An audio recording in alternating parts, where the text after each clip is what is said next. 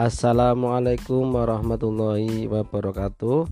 Salam sehat guru hebat.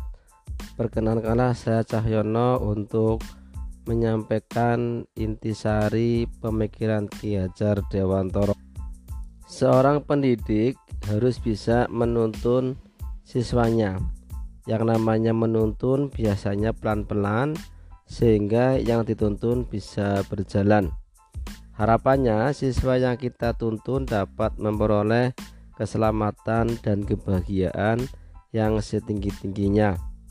Setiap anak mempunyai kudratnya sejak lahir. Kudrat ini yang biasa kita kenal dengan nama minat dan bakat. Di mana minat dan bakat ini perlu diarahkan atau dituntun sehingga bisa memperoleh hasil yang maksimal. Sebagai contoh, seorang petani menanam padi.